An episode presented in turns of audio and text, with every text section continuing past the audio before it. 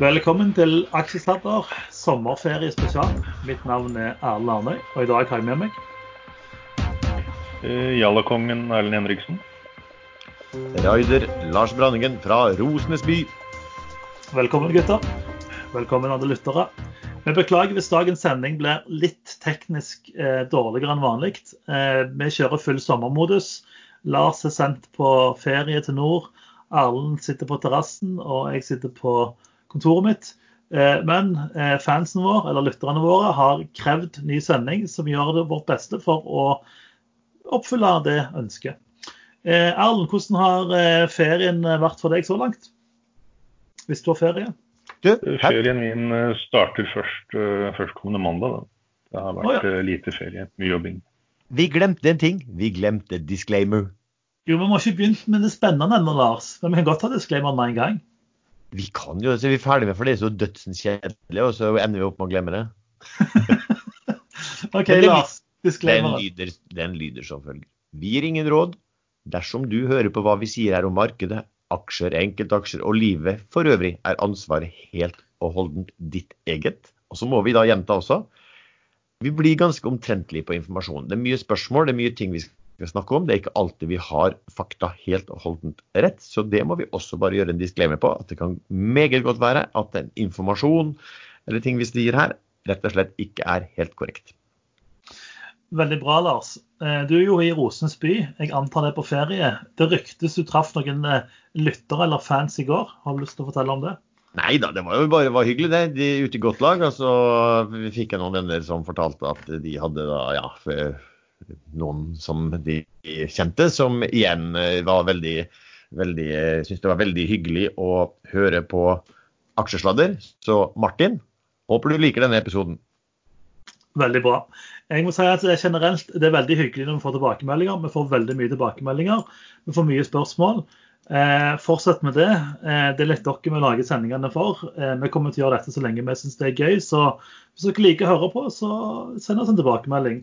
Fortell hva vi er gode på, fortell hva vi er dårlige på. Jeg må bare si, Vi har jo fått, fikk en liten klage etter forrige episode. Eh, det har vært noe tull med mikrofonen min, det er mulig at det er nå, men det ble i hvert fall litt vel høy og skurrende på, på min eh, mikrofon. Og da fikk vi en som var meget indignert på min høye lyd eh, i forhold til Erlends Henriksens smørmyke stemme. Eh, og det her fikk jo da eh, uheldige utslag når han, han satt i bilen og hørte på podkasten, fordi da Kona hun sovna godt til når Erlend snakket, men hun hoppa opp i stolen når jeg kom inn med min litt brutale og høye mikrofon. Så, så beklag, Jeg vet beklager ikke det. om det er noe kompliment at hun sovner når hun hører min stemme. Nei, eh, jeg ville jo ikke si det for å, for, å, for å fornærme deg, men jeg tenkte jo som sådan at eh, ja, og, det, og, og så kan man jo si det at han var vel tydeligvis Han virka jo litt indignert over at vi fikk kona til å våkne. og det er jo, det er jo så Men, men i, Lars, i dag har vi jo ordna det, for vi har jo sendt deg langt vekk. Så det er jo mer avstand i dag. Så det er kanskje derfor lyden din er bedre. kanskje den bedre. Vi håper Ja. det.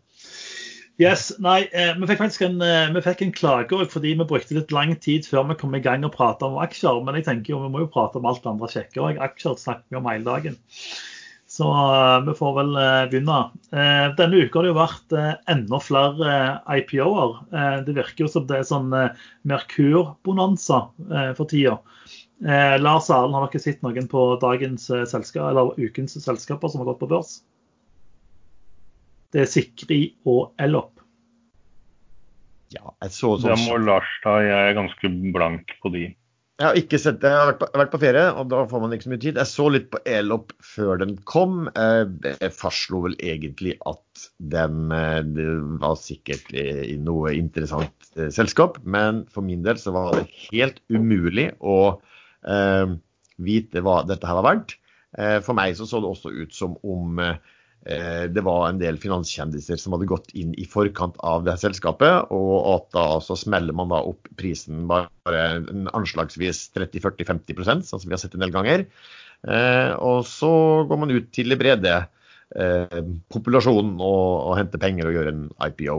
Eh, og da er det jo alltid sånn liksom spørsmål for min del. Hva er det, hvorfor skal prisen da være så annerledes eh, i forhold til eh, få måneder siden. Og det gjelder, gjelder det. Altså. Det gjelder mange selskap som i, i, disse dager går på børs og gjør ting. Jeg, jeg så litt på denne Sikri, for den er jo egentlig et litt interessant historie. og Jeg ble veldig overraska når de skulle på børs allerede. Men når Tieto og Evry sto seg sammen, så hadde de nesten 90 av markedet for det som kalles sak og arkiv og på en måte noen kommunale systemer. Så de måtte skille ut sak og arkivsystemet som et system Evry hadde. Og det ble kjøpt av et selskap som ble sikret. Eh, og så går dette på børs nå. Eh, mitt inntrykk er jo at de utnytter momentet i markedet og går på børs. Eh, og de sier de skal bli ledende på dette i, i Norden. Men jeg er vel litt skeptisk på en måte om et, om et produkt som på en måte er støtta av det største IT-selskapet i Norge, altså Evry, og nå er, det, er de i sikkerhet som et miniselskap skal klare å beholde sin markedsandel. Mm, jeg tror ikke jeg hadde kjøpt det. Men uh, for all del, jeg syns det er gøy at det kommer mer selskap på børs. Men uh, jeg føler litt som det er glass at det er litt vilkårlig prising, kanskje. Og at, uh, at mange utnytter at det er mye, mye billig, billige penger der ute. Ja. Men i sikkerhet så er vel han Jens Rugseth er vel bl.a. med det, og han og flere som har gjort noen ordentlig bra, fått fram noen ordentlig bra selskap og ordentlig bra suksesshistorier eh, før oss. Så det er kanskje litt, litt, betryggende? Ja, de har veldig flinke folk bak seg. Eh, men, men, jeg tenker jo altså, tenker Tieto og Evry har to produkter, og så velger de å skille ut ene. Så kan man spørre hvorfor velger de å skille ut ene og ikke det andre. Mm. Eh, og så hadde man, altså, ja, så, men jeg, eh, jeg syns det er gøy med nye IT-selskaper på børs. Jeg syns det er altfor mange store selskaper i Norge. Eh, store selskaper blir ofte litt for store, litt seige. Men, eh, men, ja, det blir spennende å se. Ja, altså vi, vi, For min del skulle jeg ønske at det kom enda mange flere. altså Det er jo en det er jo en, nesten eufori på børsen nå, og vi ser jo en del selskap hvor det blir gjort eh, emisjoner, og så eh, går kursen rett til værs dag én. Jeg husker ikke hva de heter. Det var jo noe sånn biotekselskap som het X et eller annet, jeg husker ikke hva det het engang. Eh, ja. Som gikk på børs, og der kursen gikk liksom bang rett opp eh, med en gang, og, og flere sånne. Og, og det er jo helt riktig å bruke momentet nå til å hente Eh, penger. Eh, og gjøre IPOs og spin-offs og, og, få god prising på det. Eh, og, men jeg skulle huske, ønske at det var enda større selskap og enda bedre selskap som kom. Hittil er det kanskje litt for mange som bærer preg av si, litt sånn finanskjendiser som er smarte og, og tar sine eiendeler på, på, børs, men jeg skulle ønske at det var ofte var en del selskap som hadde litt, litt lengre historikk, da, for å si det sånn. Som... Man kan jo spørre seg hvorfor det kommer så mange selskap på børs nå. Er det på grunn av eller Hvorfor er det eufori på børsen nå? Hvorfor er det plass til alle disse selskapene, og de klarer å fylle emisjonene og kursen går opp i etterkant? Er det eufori like før et større krakk? Ja, det kan du spørre. Eh, jeg skulle òg som Lars ønske at det gjerne var mer altså, jeg ville heller sett selskapene på børsen ikke på eh, Merkur. Men eh, det er jo gratis penger. Sant? Og det er jo Meglerhusene rapporterer jo om at det er store mengder nye kunder. Eh, du så vel litt på det, Lars, så gjorde du ikke det? Uh, ja, jeg har vel egentlig bare sett Det var vel en artikkel i Finansavisen om det. Det er faktisk jeg ble også spurt om det i forhold til at det vokste veldig mye. Vi hadde jo en gruppe på Facebook som heter Børsforum, som hadde vokst over 18 000 mennesker stor. Og vi har jo det Børsekstra nyhetsbrevet vårt som har gått fra 8000 abonnenter til 12 000 abonnenter nå på uh, få måneder. Um, og ja, Det var jo fra Nordnett og alle disse her, og DNB også. De hadde titusentalls av nye kunder og, og, som, som, som, handlet i markedet. Uh, og det er klart at altså, det som er litt artig å si her, er jo at du har alltid disse, en del sånne eksperter. og Det er gjerne sånne rådgivere som er ute og advarer da, alle disse nye aksjonærene. Litt sånn utidig, egentlig. altså for å si det sånn, nå, Den gangen her da, så har jo de nye de har jo tima dette perfekt. De, de, de, de starta jo, kom jo inn etter et krakk og har vært med på en veldig fin opptur. og Det er klart at det gir litt eufori. Og Jeg husker jo også når, når finanskrisen var, så var jo også mange av disse både forvaltere og rådgivere og folk som lever av å få dra provisjoner av kunder, de var også liksom ute og uttalte seg om de eh, små investorene som da under finanskrisen solgte for raskt, husker jeg. Etter det så falt vel kursen, kursene dramatisk mye mer. Så, så hva skal vi si, Wisdom of the crowd den er faktisk ganske brukbar. så Man bør liksom ikke gjøre seg til sånn og, og si at alt det der er kanonføde. Men så er det selvfølgelig sånn at vi, vi, man ser nå at det, det, skjer mye handel og det går mye kurser. og jeg ser jo Diskusjonen rundt det er jo helt uinteresse på hva er dette selskapet verdt og hva holder de på med. Fra mange, i hvert fall. Uh, og det, det, er jo en tid du skal bruke som selskap til å gjøre IPOs, til å hente kapital, fordi at du, du får en god, god prising. Jeg synes Det som er litt interessant, og Vi diskuterte jo på en måte dette i februar, mars og april, altså når korona, korona kom rullende og de mørke skyene ble mørkere og mørkere. Eh, og En av de tingene vi diskuterte da var jo på en måte hvordan vil markedet for å hente penger bli framover. Ting kan jo tyde på at det blir fryktelig dårlig. Men når vi ser fasiten så er den jo helt omvendt. altså Det flommer jo over penger. Eh, det har aldri vært så mye penger, virker det som. Det virker som på en måte alle sparegriser og madrasser og pengepresser går for harde livet. Så det, det, er jo litt interessant marked, egentlig. Erlend? Det er jo Alle disse småaksjonærene de har jo faktisk mer penger nå enn de hadde før. Eh, selv de arbeidsløse får jo de samme pengene de hadde før. Og pga. Eh, internasjonale reisebegrensninger så, så er det ikke så mye annet å bruke pengene på. Eh, så det er nok mange sånne 50 000-100 000 kroner ferieturer for familier som nå har gått inn i aksjemarkedet isteden. Ja. Har, du, har du prøvd å reise på ferie i Norge? Har du sett hvor dyrt det er? Det, det, er en, det, er en, ting jeg ikke skjønner, bare for å spore av litt. Nå, nå liksom, I år skal alle reise og feriere i Norge, og det er greit nok. Og så tenker jeg, nå, Norsk reiseliv har jo tidenes mulighet nå for å vise kom og se Norge. Så at nordmenn neste år istedenfor å reise Spania, reiser Norge. Men hva skjer? Jo, ta f.eks. Kristiansand. Der skrur de opp hotellprisene alt de klarer fordi alle skal til Sørlandet. Og hva skjer? Jo, neste år ingen nordmenn gidder reise til Sørlandet fordi det var så dyrt. Det er alt det de husker. Så jeg, jeg minner meg, jeg kjenner ikke norsk reiseliv bare for å altså nå, nå, burde man jo på en måte skapt markedet for, for nordmenn, men men, vi vil gjerne ikke markedet til norsk reiseliv. Jeg vet ikke. Eh, men jeg så, jeg, så, jeg så, forresten bare sånn statistikk også på det har jo vært en sånn enorm pengetrykking som vi har vært inne på her også. og Det var en sånn statistikk fra USA. så Den er jo litt fascinerende og litt talende for, for hva som har skjedd. det er at de, det var en sånn kjent forvalter som viste en graf på, på det som heter personal income i USA, altså privatpersonenes eh, inntekter, egentlig. som viste at, og Du skulle liksom tro at når korona kom, så skulle den være fallende. Men den gikk rett i taket. Opp. Så, og det er jo fordi at eh, myndighetene har gått ut med de har jo sendt cash til befolkningen, og, de har jo liksom eh, stimulert noe vanvittig. Sånn at svært mange har jo da fått eh, mye bedre råd. Eh, som, så, som, permittert og oppsagt og hva som helst, enn en hva de hadde um, tidligere. Men det er klart det er litt sånn kortvarig. og nå det er vel en sånn stimulanse nå som faller bort nå vel i slutten av juli, tenker jeg. Jeg ser jo at de diskuterer allerede, politikerne i USA, om å ja, fortsette med det. Ja, Den går nok gjennom, for eh, det må jo Trump gjøre før valget for å ikke tape de velgerne. Mm. Både i USA og England så er det en haug med oppsagte eller permitterte folk som mister den eh, offentlige støtten sin i løpet av eh, juli og august. Så ja, det kan jo bli spennende å se hva som skjer når folk ikke får penger i det hele tatt. Jeg tror jeg vi allerede ser tegn på. I Israel er det opptøyer. Eh, pga. korona regjeringens håndtering. I Libanon er det samme. I Serbia. Eh, jeg hørte fra en som eh, er fra Bulgaria, som sa at han regner med at regimet kommer til å bli veltet pga. opptøyene pga. koronabehandlingen. Så dette kommer til å spre seg etter hvert som, som flere og flere land får en stor andel av befolkningen som ikke har jobb og heller ikke får støtte.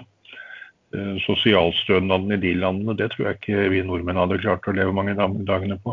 Nei, for, for, Poenget er jo også at sånne land, sånne småland som Bulgaria det vil være veldig annerledes for, for de å bare begynne å trykke penger. Sant? I USA og innenfor EU og sånn, så er jo svaret bare at OK, vi bare trykker penger. Politikerne er jo mer eller mindre uinteressert nå i, i underskudd, og det har du egentlig vært på i, på i årevis. De, de, er ikke interessert i balan, eh, et balansert eh, budsjett. Um, så det, der er svaret bare at OK, altså her skjer det et problem. Vi, vi, støtter selskapene, vi støtter privatpersonene, staten tar regningen, og vi blir alle rikere for at de pengene trykker vi bare. Uh, men det, der, det, er jo, det, er jo, absurd, da, men, men, det kan funke ganske lenge. Men det er vel ikke så lett å gjøre det for små land, for å si det sånn, og bare øke pengemengden. De har vel ofte, ofte liksom, ja, de kan jo ha forpliktelser i utenlandske valuta eller knytta mot dollar, hva, hva er det, hvordan det helt fungerer. Men, men, der er det i hvert fall lett for at uh, pengemengden, da, eller hva skal vi si, inflasjonen skyter fart uh, når du begynner å gjøre det på, på den måten. Ja, både Serbia og Bulgaria står jo på listen uh, for å komme inn i EU, så de må jo være veldig forsiktige med hva de gjør av sånne tiltak. Mm, sant. Ja, De må jo ha en viss økonomi i orden for å få lov å komme inn til, til galskapen. Nei, jeg, jeg, er jo spent på hvordan dette går. Jeg så jeg eh, har vår gode venn Ringholm eh, her for et par dager siden at britene de nærmer seg eh, 400 statsgjeld, eller av BNP. Så det er jo tydelig at noen stater tar opp helt uhorvelige mengder med gjeld. Eh, så det blir, det blir billig rente i lang tid iallfall. Vi kan vel være trygge på det. Eh, jeg tenkte vi skulle snakke litt om eh, aksjer som tas av børs. fordi Nå har vi jo snakket veldig mye om ting som tas på børs. Men eh, et selskap som iallfall jeg har fulgt veldig nøye i veldig mange år, tas jo av børsen, og Det er Funcom. Siste episode snakket jeg jo om den gratis lunsjen, nemlig at Tencent sannsynligvis kom til å tvangsinnløse de siste 5 eh, til 17 kroner. Eller vi håpte det var til 17 kroner. Eh, denne uka kom jo meldingen om at det skjedde. Det skjedde vel i går eller foregår. At de som satt maks ble tvangsinnløst til 17 kroner. Pengene kom i løpet av eh, et par uker, og Funcom tas av børs. Eh, jeg kjenner jo at dette er litt vemodig, fordi jeg har fulgt Funcom egentlig siden 2008.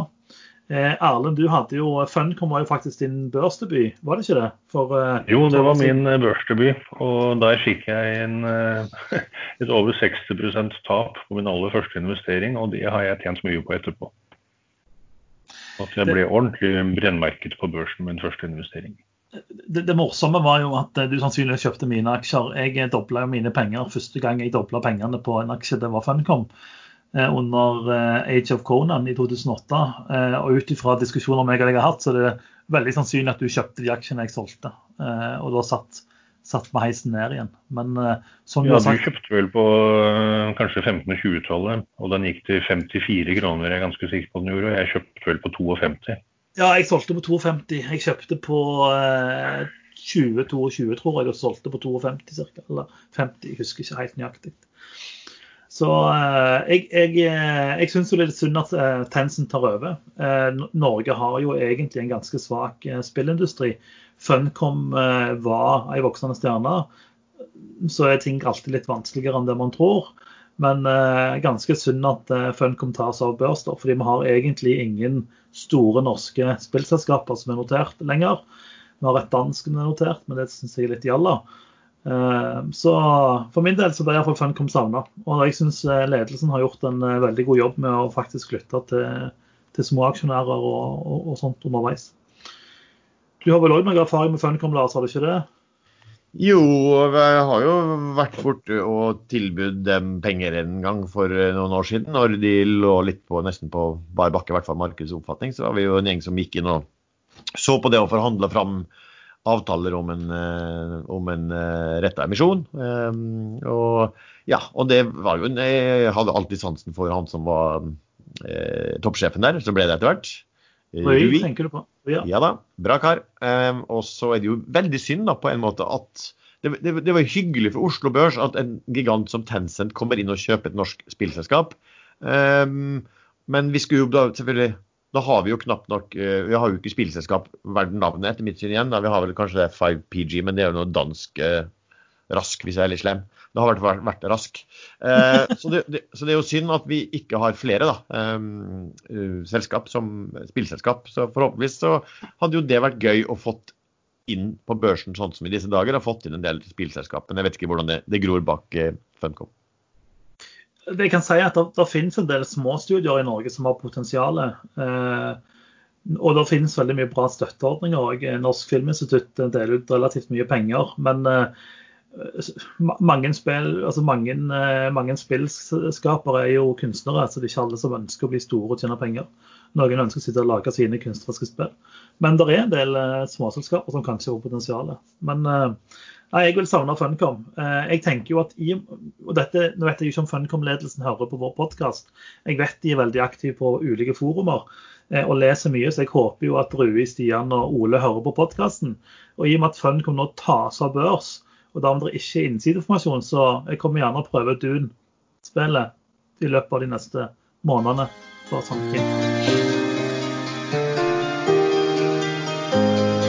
Dagens episode er som vanlig sponsa av IG.com.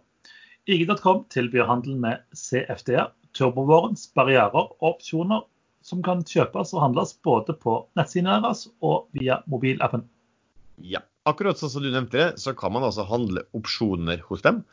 Og de kan du gjøre både på indekser, på valuta og ulike råvarer.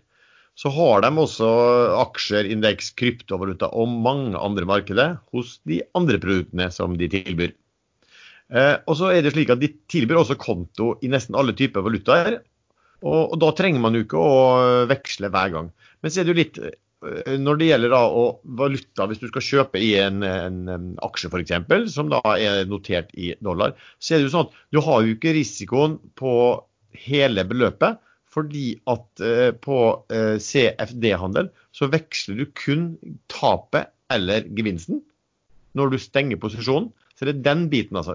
Gevinsten din eller tapet ditt, det er der du er, har en valutakursrisiko. Eh, så Derfor er det jo ganske kostnadseffektivt eh, om man uansett kjører alt i norske kroner. Eh, på IG så har vi også stor tilgang til masse markeder. Det er lett å ta kontroll over giring og risiko. Eh, ønsker du å opprette en konto, kan dette gjøres på ig.com, eller du kan følge linken i beskrivelsen av podkasten. Vi har vel jo emisjoner, Lars. Eh, rette emisjoner har det òg vært veldig mye av. Skal vi si noe om det? Du, eh, synes, du har litt mening om tildelingene, at det har vært litt sånn ja. Ja, altså det, det har jo børsen også vært noe ute og uttalt seg om. ikke sant? For at når, når, du er et, eh, et allment aksjeselskap, så er jo altså, loven er at eh, i utgangspunktet så skal aksjonærene ha lik rett eh, til å tegne seg. Det er liksom aksjonærene du skal gå til for å hente nye penger også. Og Så har det jo blitt en, en mulighet da, til å gjøre rettede emisjoner. Dvs. Si at man fraviker lovens fortrinnsrett til de eksisterende aksjonærene. Og det gjør man da mm, OK, det er for at kanskje man trenger pengene fort, eller at du gjør en spesielt god deal på det. Men nå har jo dette her tatt sånn at normen har jo blitt rettede emisjoner. og nå skal jeg si det er mine ord, men det er i hvert fall mange andre som skriver at det virker som om eh, at de børsnoterte selskapene har ledere og styremedlemmer som er rimelig bevisstløse. Eh, som snakker med meglerhusene, og det ender opp med at det blir gjort rette demisjoner til ganske voldsomt rabatt eh, til børskurs. Eh, og der tildeling skjer etter hva eh, meglerhusene føler er best. Og det vil si det er deres beste kunder som kommer inn der. Og, det, og det, vi har jo snakket, vet du, Sven har jo snakket om det også. at det er litt typisk at er, er det liksom en drittemisjon, så blir du ringt opp. Og, og, hvis du, det er en bra emisjon, så hører du ingenting. Og når du tegner deg, så får du ingenting. Uh, min, min, min, ja, min, jeg bare si at min holdning til det der, det burde være sånn at OK, skal man gjøre en retta emisjon, så burde det vært ulovlig å gjøre en slags sånn skjønnhetstildeling ut ifra det. Det betyr at hvis Erlend Arnøy tegna fem millioner i en rettet emisjon, og Øystein Spetalen tegna fem millioner i en rettet emisjon, så burde det lovmessig vært slik at det var forbudt å gi han ene full tegning for fem millioner, og stryke eh, den andre. Det er én ting. Og, Her er det ikke noe lovregulering i det hele tatt, kanskje? På nei. Reparasjonsemisjonen er det jo det. Der skal alle fordeles likt. Og eh, de som var aksjonærer skal egentlig behandles likt som, eh, som de som kommer inn i en rettet, men, men det skjer jo aldri. Nei det, jo, nei, men det er jo ikke mulig. Det der er jo ikke mulig å gjøre matematisk engang. For at kommer det inn nye, så er det jo faktisk ikke mulig å sørge for at de eksisterende opprettholder sin andel. Da er det jo kommet inn nye som spiser til. Og Det kjenner jeg jo til igjen fra når vi kom inn den gangen som vi nevnte i Funcom, en stor retteemisjon, så ble det jo gjort en, en, reparasjonsemisjon der også, som av ulike årsaker eh, eh det meglerhuset den gangen eh, ja, rotet til noe, noe grusomt. Men, men eh, det, burde, altså, det, det burde også være slik at ofte er det kanskje en stor aksjonær som får være med på den rette emisjonen, og som nærmest altså, kan øke sin relative eierandel. Eh, og når dette her skal besluttes i en generalforsamling, så burde etter min mening heller ikke den type aksjonærer ha lov til å stemme. Du burde ikke ha lov til å stemme eh, for noe hvor, som, som, gir deg som aksjonær en, en fordel på, på, bekostning av andre aksjonærer. Det burde vært gjort noen ting med. Eh, det, det, det, har blitt en sånn det har blitt en, sånn, en, en uting på det, men in the end så er dette her ansvaret til selskapets styre å bestemme og beslutte hvem som skal få tegninger og hvordan det skal gjøres. Coa-emisjonen er jo kanskje det mest grisete eksempelet på, på, en sånn rettet emisjon som gikk til venner og venners venner. Hvor da tidligere storaksjonærer ikke ble spurt engang om de ville være med. Ja, jeg har jo lest, lest om den. Altså, det er jo sånn at eh, hvis, alt, hvis, det er en fortrinnsrettemisjon, ikke sant? Si at den kursen i Coa var på, var på en krone, da. Og så fant de ut at i stedet for å invitere inn eh, eh masse nye på, ti øre, så gjorde de en fortrinnsrettemisjon på fem øre. Altså, da, eh, Aksjonærene hadde jo ikke tapt noen ting. Du taper ikke penger på om du eier en, en aksje på én krone, og du får tegne deg på akkurat samme nivå på fem øre. Det, det, det, er, ingen, det er, ingen, verdier som flyttes bort eh, fra deg som aksjonær.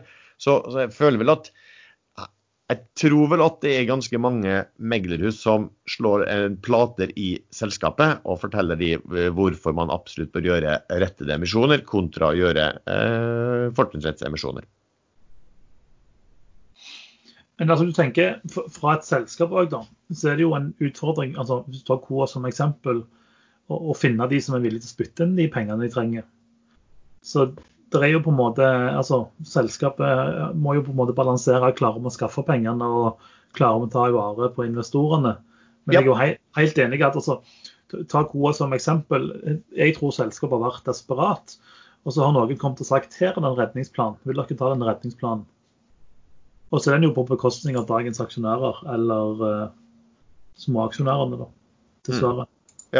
Ikke sant. Nei, men, er, men, hvis du ser en del som har fått tildeling der i misjon, så klart det, det, virker jo ganske det, som det stinker ganske betraktelig. Hvis det er riktig at en del sånn større aksjonærer der ikke engang ble, eh, ikke engang ble, ble spurt om å, om å, delta.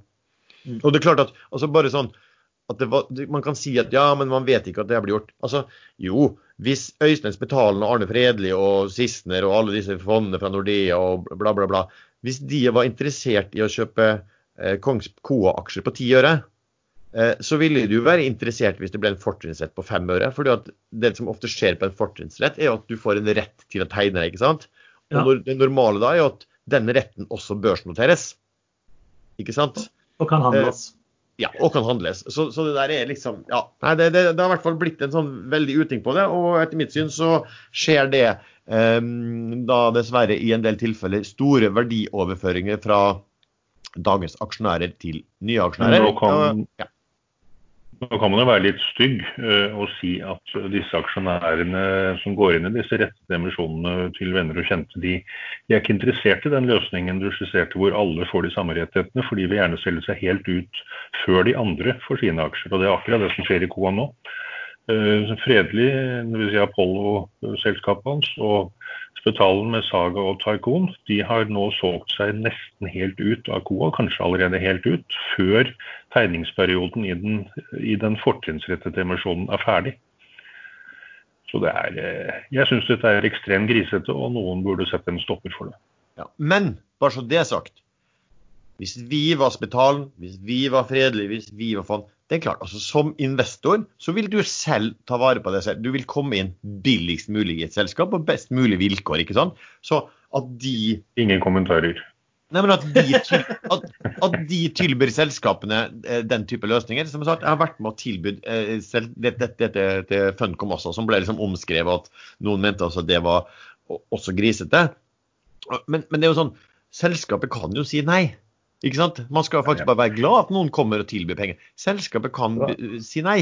Det er ikke verre, det er Andre siden av saken er at uh, den type emisjoner den redder ofte et selskap som ellers ville ha gått konkurs. Uh, det blir litt uh, omfordeling av verdier, men da er det i hvert fall verdier igjen i selskapet etterpå. og Coa var på konkursens rand. Ja, Men det du ikke vet, er om hadde de klart å få inn de pengene hvis de gjorde det på åtte øre og, og kalte det en fortrinnsrettemisjon. Det hadde de nok gjort uansett. Sannsynlig, ja. Det er dyrt å være fattig. Det er vel det som egentlig er, er konklusjonen. Altså, Fattige selskaper må Det er dyrt. Har du penger, så er det, er det bra. Det sa de jo på en måte på Fredriksen i, når han garanterte for en emisjon i Norwegian for lenge siden. Sant? Han måtte jo aldri delta, han bare garanterte og fikk masse penger for det. Så.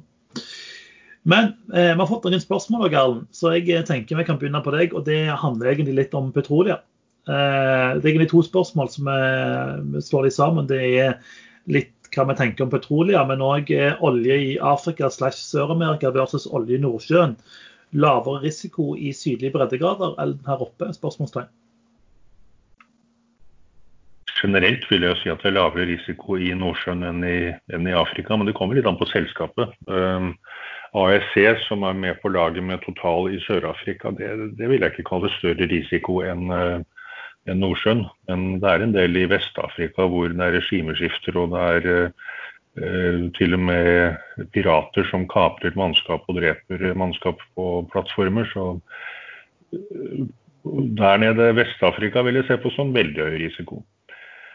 Men uh, Petrolia, gamle Berge Gert Larsen, som dro i gang DNO i sin tid, eller i hvert fall fikk det stort. og Som jeg nå nylig hørte, han, hans selskap eide vel noe sånt som 40% av det som nå har blitt Sverdrup i sin tid. Men uh, han har fått til mye og har hatt mye uflaks og bommet med timingen og bommet med myndighetenes manglende støtte eller som noen sier direkte motarbeidelse. Men akkurat dette 20% eierandelen som han har via sine selskap i Dugong-feltet, eh, Neptun eier 40 eh, i Nordsjøen, det virker ekstremt interessant. Eh, det som er børsnotert, Petrolia med sikker PSE, de eier da 50 av Petrolia Noco, som, eier, som er på OCE-listen. Og hvor det nesten ikke er omsetning, så den aksjen tør jeg ikke å røre. Men de har da en indirekte eierandel på 10 eh, og de har funnet hydrokarboner på hovedtreffet. Og der, eh, etter å ha boret tvers igjennom formasjonen, så fant de ikke vannkontakt. Og det vil si at den oljesølen er større enn de drøye 100 meterne den allerede nå er. Så nå borer de et sidesteg, og det vedtok de med en gang. Eh, det er ingen antydninger om hvor stort feltet her, annet enn at det høyst sannsynlig er over 84 millioner barrels, som de regnet med hvis de fant vann i hovedsteget ganske langt ned. Um, så dette kan bli stort. Og på veien, Når de bor sidesteget nå, så går de også gjennom en annen formasjon som heter sjøpølse. og Så vidt jeg kan se på, uh, på tegningene på kartene som ligger ute, så går de også gjennom uh, en formasjon som ligger over det, eh, og da ned i brentformasjonen, som er der hvor de har funnet hydrokarboner. Og denne hva den heter for noe, Middle Jurassic Brent, det er eh, der hvor nesten alle oljene i Nordsjøen ligger. Det er der Brent har fått navnet sitt fra. Og Snorrefeltet, som ligger rett øst for, for Dugong, de har ingen brentolje. Og Det det tyder på, er at i eh, Snorrefeltet så har den, eh, den, formasjonen erodert bort gjennom millioner av år. Men den er til stede i Dugong. Eh, så der har de i hvert fall brent formasjonen. De har muligens det som vel kalles Hva er det for noe? Ikke Statoil, men Equinor? Nei, jeg tenker på Statsfyr. Statfjord, er også en egen formasjon. Ja. Så Statfjordfeltet nord, Statfjord nord ligger rett sør, og Statfjord, hele Statfjordfeltet ligger enda lenger sør.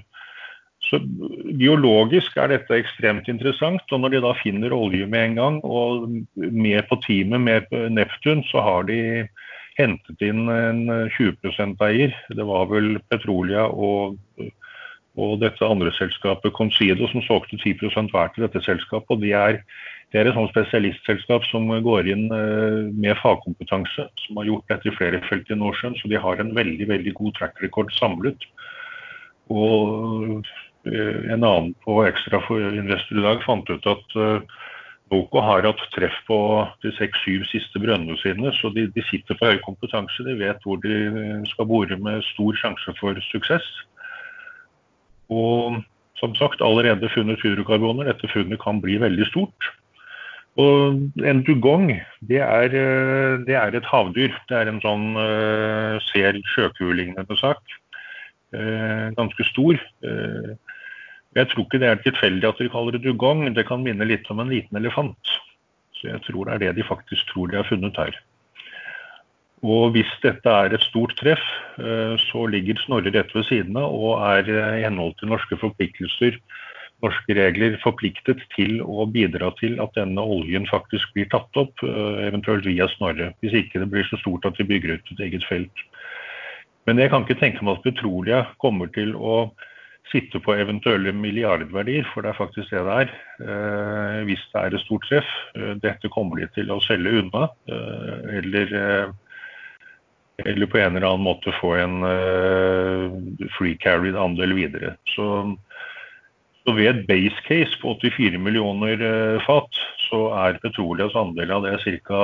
13,5 kroner per aksje, og den handles nå for 8 kroner. Og var nede på tretallet før, før det treffet. Eh, hvis befunnet er betydelig større, så begynner man å se ganske stort kurspotensial i petroleum. Og dette, er, eh, dette, ligger noen dager unna. Maks en uke eller to før man vet resultatet fra sidesteget. Litt morsomt egentlig. Nå har det vært lenge siden vi har hatt sånn eh, ja, litt sånn spekulasjoner på, på oljefunn. Oljeselskapene Small Oil har jo vært helt out of favor, og det har liksom ikke vært så mye. og så Plutselig så dukker det opp, og den gode gamle, eller i hvert fall den gamle, Berge Gert Larsen. Det vil si kanskje en hel del som har gjort business med han som ikke føler at den, det gode er det som Men han er, i hvert fall, han er jo en flink industrimann. Det er det jo ikke noe tvil om. selv om han... Han, han ble jo anklaget en gang for at eh, mange hadde tapt penger på han, eh, men da svarte han vel noe sånt som at det er ingen som har laget så mange millionærer i Norge som meg. Ja, han har vel en uh, historikken da, med corporate governance og sånn, er vel, for å si det sånn ja. Han er litt frynsete. ja, hvis det, hvis, det, hvis det, er vel vanskelig å finne så veldig mer frynsete hvis man skal tro visse medieoppslag om hva som har skjedd. Men, ja. men det er jo så. det blir i hvert fall spennende å se hva, hva som kommer ut av det funnet der endelig. Så, men du det tror... som er litt interessant med akkurat den aksjen, det er at eh, Berge Gert Larsen eier eh, på forskjellige kontoer eh, over 85 av selskapet. Hvis man går på topp 20-listen, så er det så er eierandelen på over 95% så det er kun 4 millioner aksjer av 59 millioner aksjer som er såkalt free float utenfor topp 20. Og det er veldig stabilt, det topp 20. Jeg har ikke sett noen endringer på det de siste dagene. Det, det er Petrolia du tenker på nå, Erlend? sant? Petrolia. Børsnotert uh, Oslo Børs PSE. eh, PSC. Nei, Det blir spennende. Men du tror det kommer svar på det sidesteget i løpet av dager? I 20? I løpet av noen få dager, ja. Eh, maks, to uker.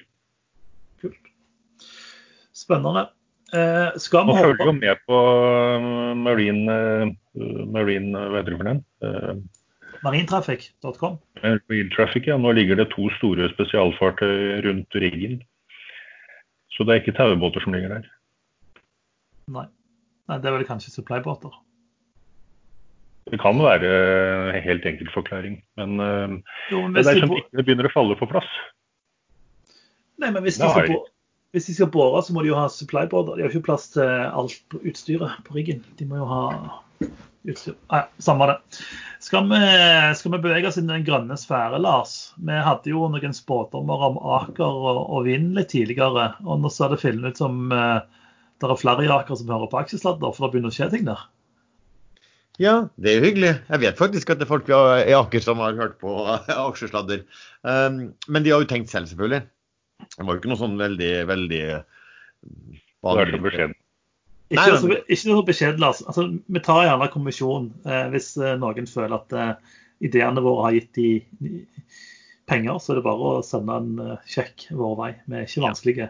Ja, ja for, ide, for, ideen var jo egentlig å, å, på en måte legge ut, eh, lage noe Aker Vind-selskap. Eh, legge andeler fra Kverner og Aker Solutions inn i hva skal vi si, et sånn, mer sånn renewables vind-selskap. Og, og, og, sitte igjen med verkstedbiten eh, og, og offshoreutbygging for seg. Nå er ikke det helt det de har gjort, men de har gjort noe, gjort noe lignende. Altså for å ta, hvis jeg først bare tar hva Aker har gjort, så har de satt opp et nytt sånn vindselskap nå, hvor de skal investere i Aker Vind via hovedselskapet Aker ASA. Men den store nyheten er jo nå at Aker Solutions og Kværner eh, skal fusjonere. Eh, men før de gjør det, så skal Aker Solution fisjonere ut eh, et, en del som allerede har eiendeler etter jeg forsto, i, i vindkraftutbygging, og en, et, en del som driver med noe teknologi og utbygging på sånn karbonfangst. Um, og så, etter at det er gjort, så skal da um, bytteforholdet på en måte bestemmes av markedet. Så det er ingen tvil om at da eh, Aker her begynner å hva skal si, grønnvaske selskapet eh, i størst mulig grad. Og Aker er jo opp da, nå, Aker er opp 7 i dag. Aker Solution er opp 28% Kverner er opp 8 Um, og så har du jo sagt her noen ganger at jeg har jo vært Kværner-aksjonær um, en stund. Og så sitter jeg og ser på, på, hva som har skjedd der. For å være, altså, Alt det der innebærer en fornuft, men mitt syn som Kværner-aksjonær dårlig bytteforhold. Jeg skjønner ikke helt hvordan de har kommet frem til det. Jeg ser liksom på altså Aker Solutions har jo hatt uh, mye gjeld. Um, og fortsetter dårlige tider, så kan man jo fort komme i brudd med både det ene og det andre avtaler. Mens uh, Kværner sitter jo med milliarder i uh, cash. Uh, der omtrent hele selskaps, altså børsverdien har vært, har vært nett cash, og de priser ikke mye over det heller. Så ser jeg at altså det, det, de da skal gjøre, er at jeg gikk liksom litt tilbake og så så jeg at for en måneds tid siden så var det vel sånn at Aker Solutions var noe større enn Kverner i børsverdi.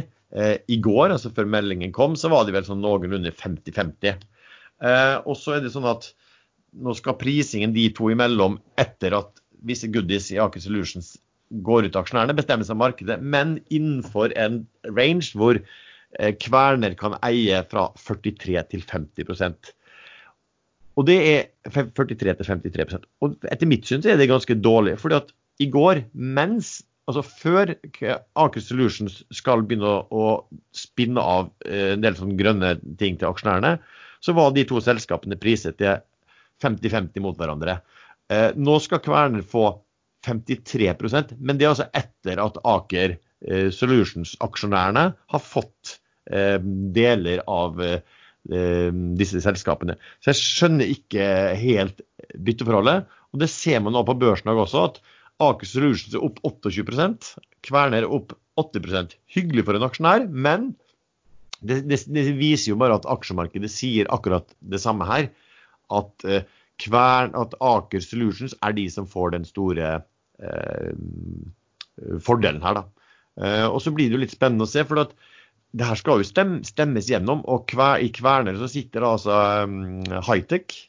De sitter med en ganske hyggelig eierandel her. Skal se hvor mye de har. De har altså en, en, en 16 uh, Aker Kverner, altså det, det er gamle uh, som er Aker og, og, staten, de eier 41% Så hvis da Hightech sier at vet du hva, vi syns dette bytteforholdet er for dårlig, så mm, kan det godt være at de gjøres det. Jeg har faktisk tro på at her må man endre bytteforholdet. Smart deal og alt det der. Men Eh, det ser ut som om Aker Solution for meg, og da snakker jeg selvfølgelig for min egen lommebok, eh, kommer ut eh, altfor godt. Men veldig interessant hva som skjer altså på, på at nå begynner man å spinne av begge disse Aker Solutions, altså karbonfangstselskap og vindkraft. Det skal spinnes av i egne selskap. Aker skal ha lagt inn bud på for noen milliarder på noe sånn vindkraft-asset-selskap også, så, så uh, Aker går virkelig nå i grønn retning. Men du, men du tror, altså, Hightech er jo Hightech Vision er jo relativt oppegående folk. Du tror ikke det har vært på en måte forhandlinger og diskusjoner i bakkant? Altså, de kan ikke liksom Deres første informasjon dette kan ikke skje via, via media i dag. De må jo ha vært en dialog, tror du ikke det? Eh, dette er jo proffe gutter, liksom. Ja, ikke nødvendigvis. Altså, jeg ville jo nesten ha tippa at de gjorde det. Eh, men, eh, og, og, og, det er klart at Som aksjonær da, så synes du uansett at det er hyggelig at, at, kursen går opp 80% Men det kan jo få dem til å tenke da, at når fusjonspartneren går opp 28 Um, ikke sant? Så bør, du bør liksom si ding-ding. Altså. Dette er to selskapene som, som, ble liksom priset omtrent likt hverandre på børsen i går. Eh, og nå skal de omtrent prises likt etter at eh, de ene har fått spinne av og, fått gitt bort litt eh, grønne selskap til aksjonærene. Ja, så alt det ser bra ut. Det er mulig at det kommer til å rette seg til. Men sånn isolert sett så synes markedet åpenbart at det er veldig hyggelig. Så Ønsket mitt hadde jo heller vært at du, du kunne slå sammen Kverner Aker basert på, de, på et eller annet eh, bytteforhold og hvordan kursen har vært i forhold til de siste x månedene. Og så deretter kunne man spunnet av grønne ting til alle. Det hadde kanskje vært eh, bedre. Men det blir i hvert fall spennende å se om eh, hightech er innforstått med det der. For, for Aker de eier vel omtrent det samme i begge selskapene. Skal vi se hvor mye de eier der. Men, men hvem er det som må gå Sitter Hightech i styret i noen av selskapene? Uh, de det, vet, på å lage det, det vet jeg ikke. Altså Aker Solutions de, eh, Aker eier jo kanskje litt mer i Aker Solutions enn de gjør i Kværner, men ikke mye. Så for dem sin del så burde det ikke bety så veldig mye liksom, hvordan det her bytteforholdet er. En annen ting som, som må ta med her, som, litt, som også har kommet da. Husker dere den berømmelige Aker Kværner Holding, der staten gikk inn som minoritetsaksjonær i Aker Kværner Holding. Uh, uten nesten å kunne ha medbestemmelsesrett. Og, og de der Arbeiderpartiregjeringen ble, ble latterliggjort. Vet du om du husker den dealen? Eh, jo, delvis. Ja. Eh, men den, det, det, selskapet der blir nå oppløst, sånn at staten får eh, eierandeler direkte i Aker Solutions, Kværner og også Akastor. Og jeg, jeg, vet ikke om det er riktig, jeg, jeg, tror jeg så det sto noe at jeg vet ikke hvor lenge siden de, de der holdt på, det må jo være over ti år siden litt usikker. Men staten har vel tapt tre milliarder, tror jeg det var noen som skrev, eh, på å eie de aksjene eh, i, i, så mange år. Så det var en uansett en, en elendig deal, eh, hvor de, hvor de dytta inn masse penger uten å ha den store medbestemmelsesretten. Men, eh, så, og, og den strukturen blir nå historie. Jeg eh, ser vi har fått, eh, fått, ganske mye spørsmål eh, egentlig til sist sending forrige uke, men eh, vi tok ferie, så det ble ikke sending. Men det eneste spørsmålet som var litt interessant, det er Skal vi se om vi finner det igjen. Finnes det noen selskaper på Oslo Børs som korrelerer med prisen på gull, eventuelt internasjonale selskaper som har vært å se på i forhold til eksponering mot gull? Jeg tenkte jeg skulle svare litt på det. Hvis dere har noe å si, så er det bare å hoppe inn. Jeg tror ikke det finnes noen selskaper på Oslo Børs som på en måte gir deg eksponering mot gull. Eh, det er flere måter å få eksponering mot gull. Den ene er å kjøpe fysisk gull. Eh, den andre er å kjøpe papirgull. Eh, og så finnes det òg en del fond som da enten investerer i gullgruver, som har gått ganske bra. Jeg gidder ikke å lese noen navn på de fondene, men det er bare å spørre meg på ekstramest, så skal jeg sende deg en liste. Og det finnes òg fond som på en måte handler papirgull. Eh, det er på en måte de, de to typer fonder som gjerne er den beste måten å få en eksponering mot gulv hvis du ikke ønsker å fysisk gulv. Jeg tenkte å komme med en fun fact, fordi eh, Kina er jo litt morsomt. Og Kina har jo drevet og hamstra gulv i mange år. Eh, og nå viser jeg at sannsynligvis, eller ikke sannsynligvis, mellom 4 og 5% av Kinas gullreserve er falsk. Fordi Kinas gullreserve er jo delvis eid av staten og delvis eid av masse selskaper. Og så viser det at det ene selskapet i Kina som da eide hele 83 tonn gull, eh, det var faktisk et Wuhan-selskap, eh, for de som har fulgt med på dette berømmelige viruset fra Wuhan. Eh, og De har da brukt dette gullet for å låne 20 milliarder huan, eller huan, hvordan det uttales den kinesiske valutaen. Og De har da ikke klart å betjene det lånet, og selskapet eller bankene som har lånt disse pengene, har da bedt om å få gullet som, som er sikkerheten. Eh, så viser jeg at det ikke er gull, det er kobberbarer som er malt med gullfarge. Eh, så, eh, og, dette utgjør da faktisk nesten 5% av Kinas offisielle gullreserve. Så mange stiller jo spørsmål om hvor mye mer av det gullet Kina sitter med, er faktisk falskt. Så nei, det er det skjer mye interessant i Kina om dagen. Men hvis man ønsker eksponering mot gull, så er det som sagt en del fond man kan, kan velge.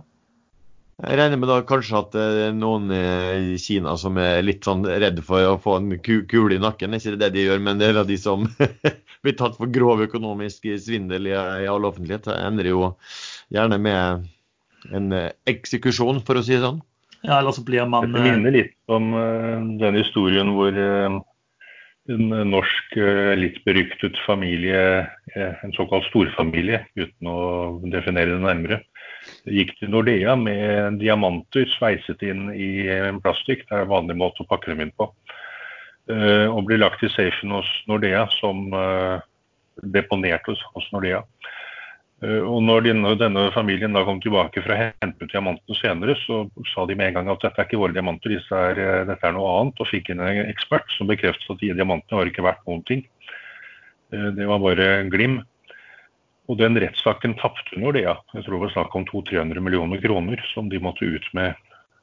Det er ikke noe tvil om at Man skal være litt forsiktig med injurier her, men det ligger kanskje litt i kortene. eller Det kan jo se ut som at uh, de diamantene som ble lagt til, det, til deponering, uh, var de samme som senere ble hentet ut.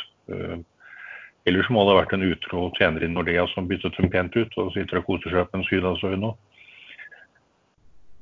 Så banker skal være litt forsiktige med hva de tar imot, uten å få verdsatt ordentlig. Men, men, men, det med Kina er litt interessant, fordi nå ser man jo på en måte Kina er jo relativt aggressive for tida. De, de, de flekser muskler mot uh, Taiwan. Uh, USA og Kina flekser muskler mot hverandre i Kinahavet. Kina og India har vært i regelrette slag.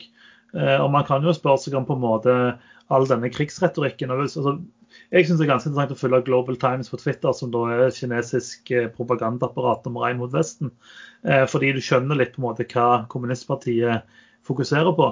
Eh, og De fokuserer jo ekstremt mye på militæret for tida. Jeg tenker, kan det være at den kinesiske økonomien er så skakkjørt nå at Kina ser at en krig er på en måte eneste muligheten til å holde befolkningen eh, fokusert på noe annet.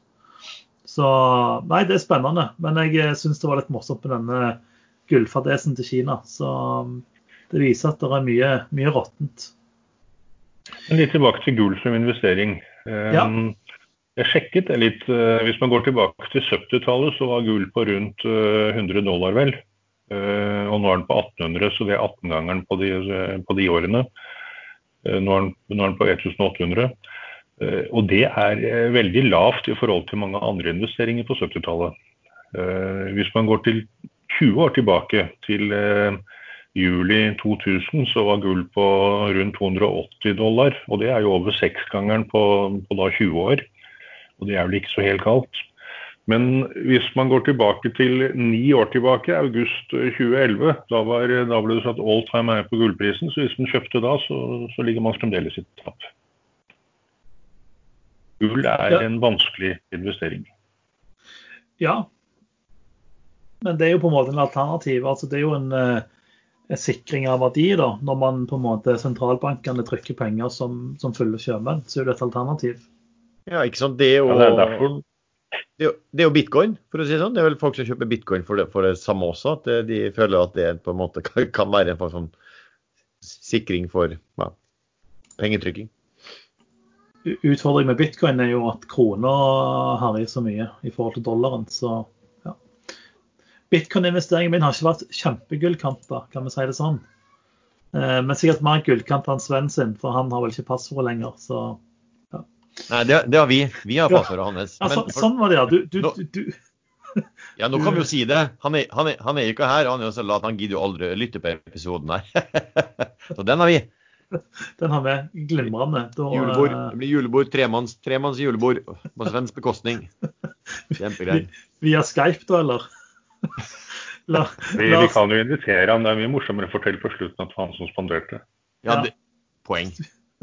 Du får, du får en sekspakning øl i posten og en eh, flaske whisky, og så sitter vi på Skype og koser oss. Uh, skal, vi kjøre, skal vi snakke litt Det har skjedd litt i flybransjen denne uka som jeg har lyst til å snakke om. Uh, I og med at Sven ikke er her. For Sven, uh, Sven ble jo sint hver gang vi nevner Norwegian. Men jeg syns Norwegian har gjort en del kule ting denne uka. Jeg vet ikke, Har dere lest noe om det? Så slipper jeg å snakke om alt gått til rettssak mot Boeing. Ja. ja. Eh, og det, det, det som Baller større enn eh, en, en jeg har, i hvert fall. Fordi Vi har jo sagt, har jo sagt mye Norwegian. Eh, og det, ikke, det, det jeg merker på en måte som er litt dumt når jeg tenker hva har vi egentlig sagt på luft og hva har vi ikke sagt på luft. fordi Vi diskuterer ganske mye som aldri tar opp, og så klipper vi vekk en del. Så det er ikke alltid du vet om alt du har diskutert, havner på lufta. Men en av mine teorier om Norwegian, som jeg vet jeg har posta på Ekstrainvestor òg, det er at Norwegian har ønska å kansellere bestillinger fra Boeing, og så har de ønska å få erstatning.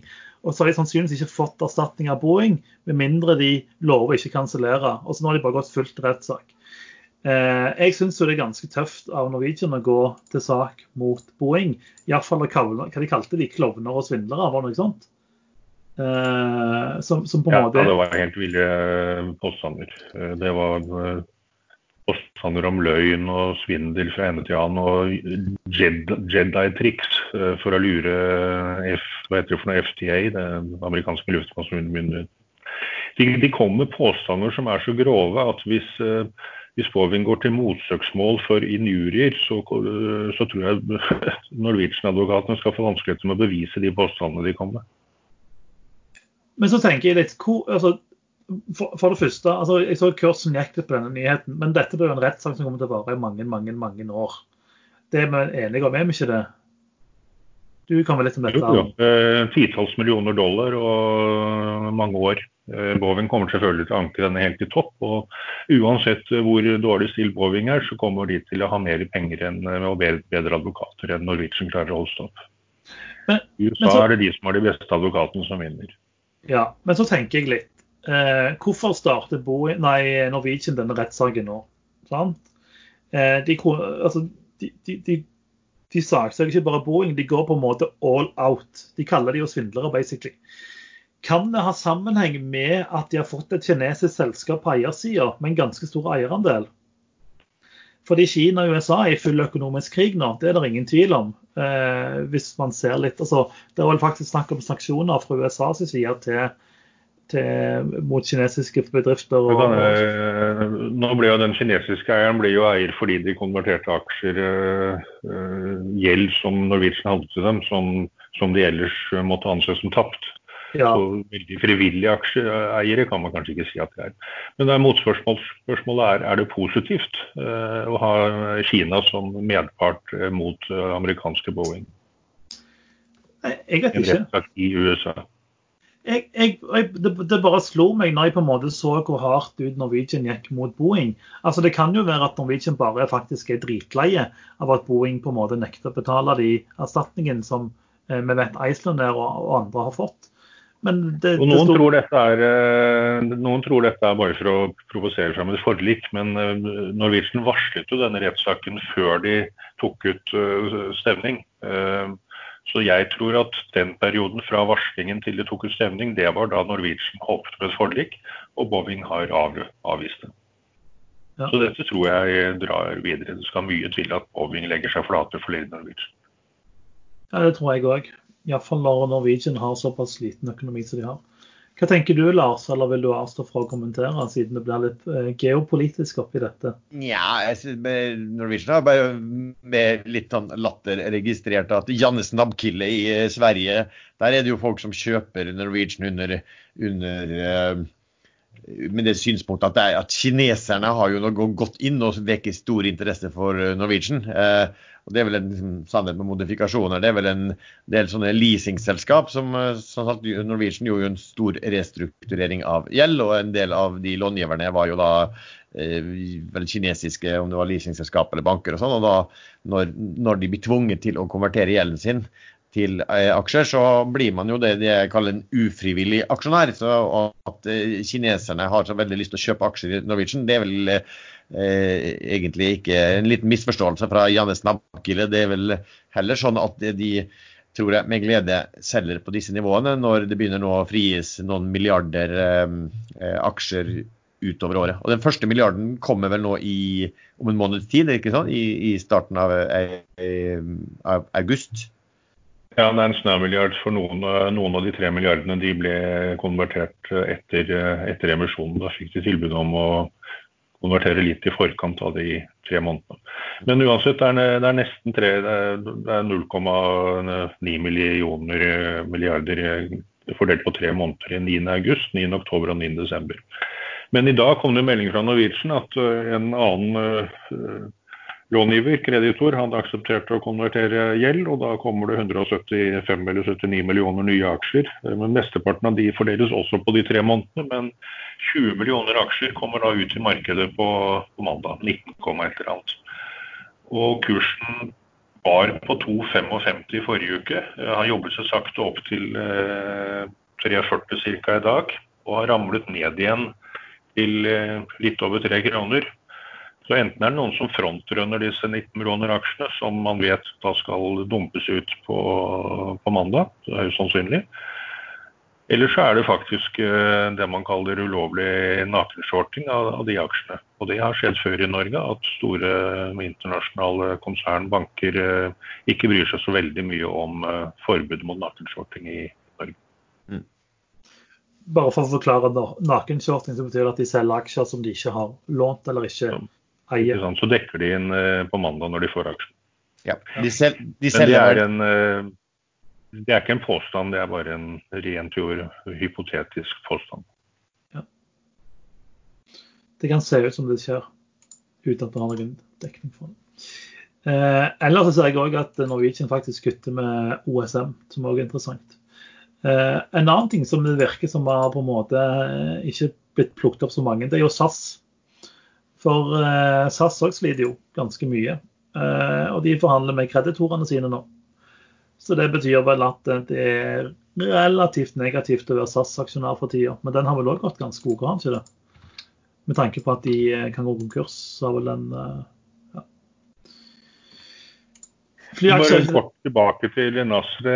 Grunnen til at den nå er på over tre kroner, det er jo fordi brorparten av aksjene kommer ikke før eh, de begynner å komme i august. Så dette er jo såkalt vakuumrally hvor uh, framtidig market cap uh, handles med dagens antall aksjer. Så kursen ligger langt over. Så alle må være klar over at kursen nå ligger tre ganger over den teoretiske kursen uh, allerede 9. august. For, for konverteringskursen av én krone, er ikke det? Ja, så er det noen som har kommet biler inn, for de kjøpte biler og obligasjoner som de fikk konvertert. Ja. Jeg husker ikke lenger den, eh, hva de kalte konverteringskursen. Eh, men det, den effektive konverteringskursen ligger rundt en krone, litt under en krone. Ja. Vi har fått et spørsmål angående vakuumteorien. Eh, og det er om vakuum, I og med at du er en eldre herremann, så spørsmålet er jo om vakuumteorien oppkalt etter eh, vakuumrelaterte hjelpemidler du har?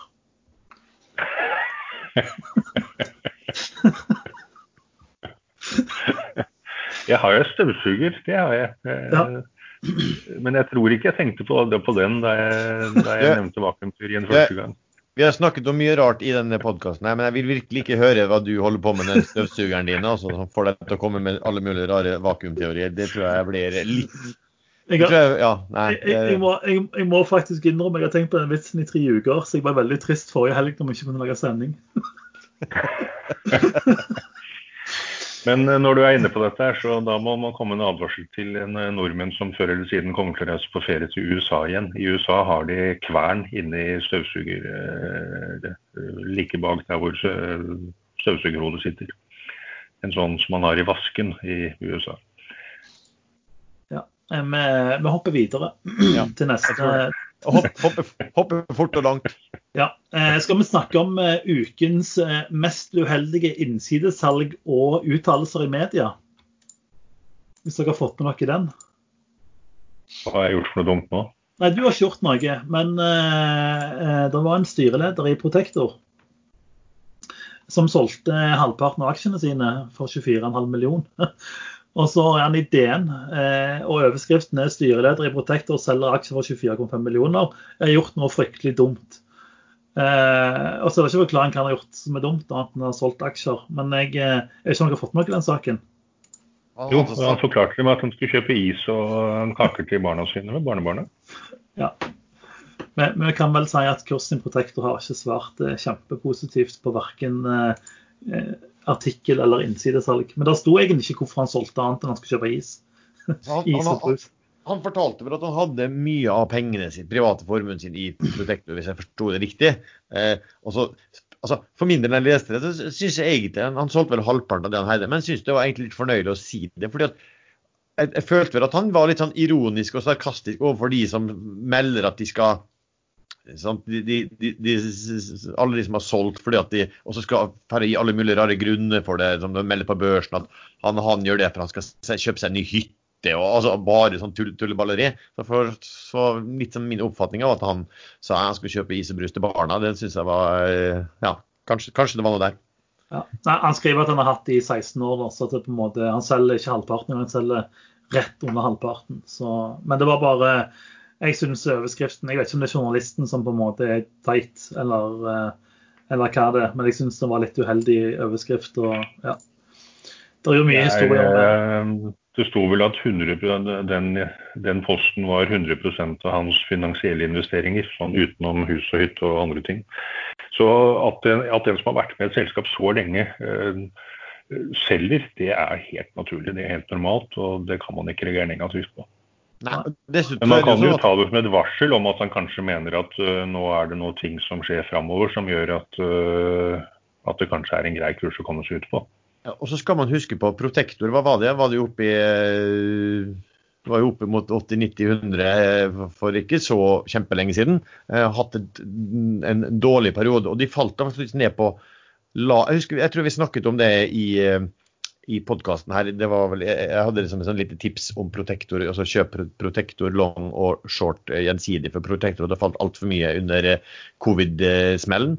Og de falt jo ned til 22 kroner per aksje. Så han, har, så han har jo også vært med og hatt store, veldig store verdier og sett plutselig at de verdiene har forvitret i en enorm fart. Eh, og så har kursen doblet seg tilbake igjen fra det nivået. Så det er klart da, Jeg skjønner jo det at hvis du har liksom alle dine finansielle investeringer der og, og eh, at man tar litt penger fra bordet, det, ja, det er helt, helt, forståelig etter mitt syn i hvert fall. Men du må tilbake til januar 2018 før han var, når han var i 90 kroner. Ja, men det er altså to år siden, eller to og et halvt år siden. Eh, 90 spenn. Nå han nå selger han på 45, så det har halvert seg. Og, og det er jo etter at den har dobla seg fra. Så, så han, har jo da falt til en fjerdedel av prisen var han på da i, i, i midten av mars. Ja. Men jeg kan ikke Protector så godt, annet enn at jeg har sett i Det var vel de som hadde husbytteforsikringen eh, den gangen jeg solgte.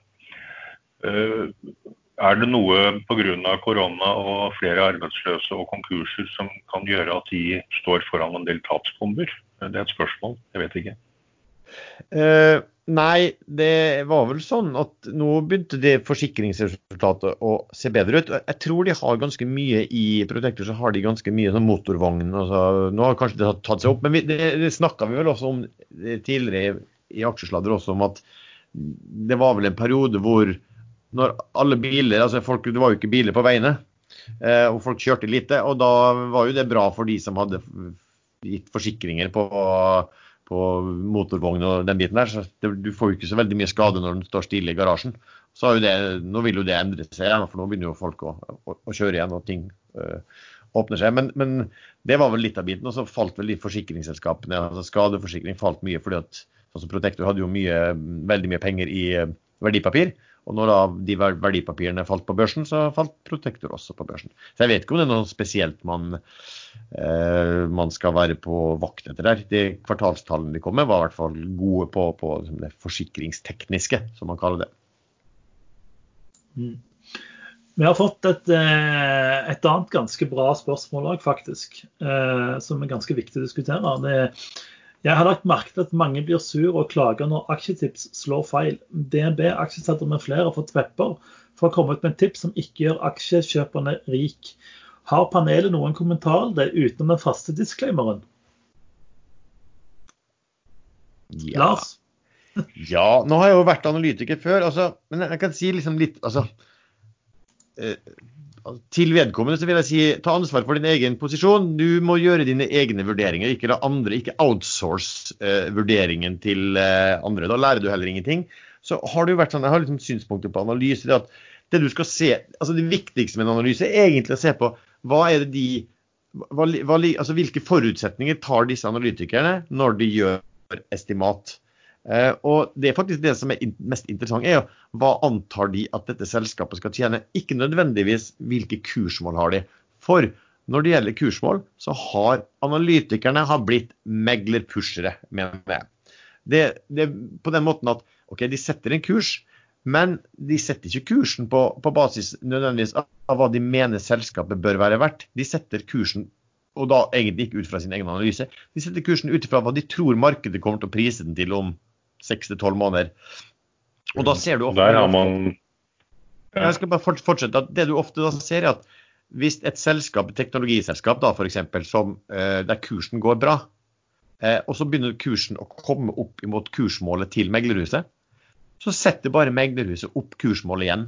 Selv om ikke de endrer noen ting på tall i det hele tatt. Og Det er bare fordi at nei, det er momentum i aksjen. Så, så liksom, ja, Man skal vite faktisk hva, hva, hva disse kursmålene um, betyr. Jeg, jeg, tror det var Stig, Rogstad, Stig Myrsene som, som, gjorde en uh, Når de hadde sjekket en del sånne på innsidekjøp og, og anbefalinger og alt der, så tror jeg de fant ut at det man mest skal se etter, er ikke nødvendigvis kursmålene, men eh, har meglerhuset tatt opp eller ned hva de tror selskapet vil, vil tjene.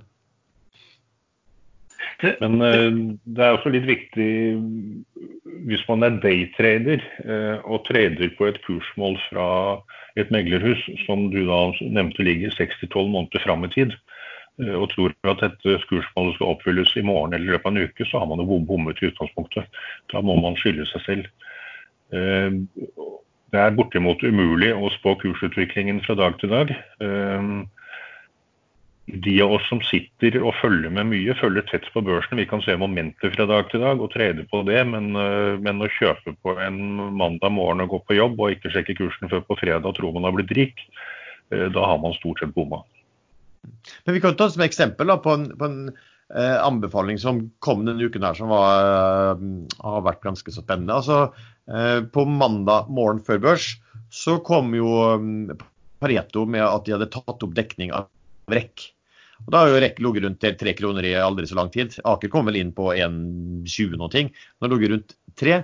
Og de kom da rundt på mandag med analysen, ny reinitierte dekning, og så hadde kjøpsanbefaling med kursmål 6. Kursen har da gått 50% på eh, knappe På, på to og en halv dag har kursen gått 50% Ingen nyhet, foruten at Pareto anbefalte kjøp på kurs 6. Du, du men, men rekk er en ja. REC er en såkalt folke, folkeaksje hvor veldig veldig mange småinvestorer er i stand til å dra den kursen veldig fort, veldig høyt opp. Ja. Eh, også ut fra tidligere kursnivåer. Så, så, den skiller seg litt ut, ut fra et kursmål i f.eks. Kverner eller, eh, eller Stat eller Equinor eller DNB. Ja da, men poen, Poenget mitt var bare at du kan få et kursmål fra et meglerhus som blir en sånn katalysator for at nå må vi kaste oss inn for nå går kursen oppover. Eh, og så blir den bare, bare kjørt opp. Eh, og så kan man jo da om, om, om denne misjonen, uten at så kan man jo, om den analysen så kan man jo nevne at eh, Pareto antok at eh, REC skulle hente inn ca. 600 millioner kroner i ny egenkapital. Eh, så vil jeg jo anta at Det var jo faktisk eh, relativt fair av Pareto, den analysen. For de skrev rett ut at de må hente inn egenkapital. Og det, ja, det har man ikke ja, da. Ja da. Og så har de sikkert lagt inn en god søknad for å få være med som tilretteleggere, utenom, eh, uten at jeg skal si at det eh, ødelegger, eh, ødelegger analysen på noen som helst måte. Men, men Lars, det du sier det er ganske interessant egentlig, fordi man ser jo det diskuteres jo analyser på de fleste ekstranestor og tech-nestor osv. Og, og det er 90% pluss er opptatt av, det er hva kursmålet er.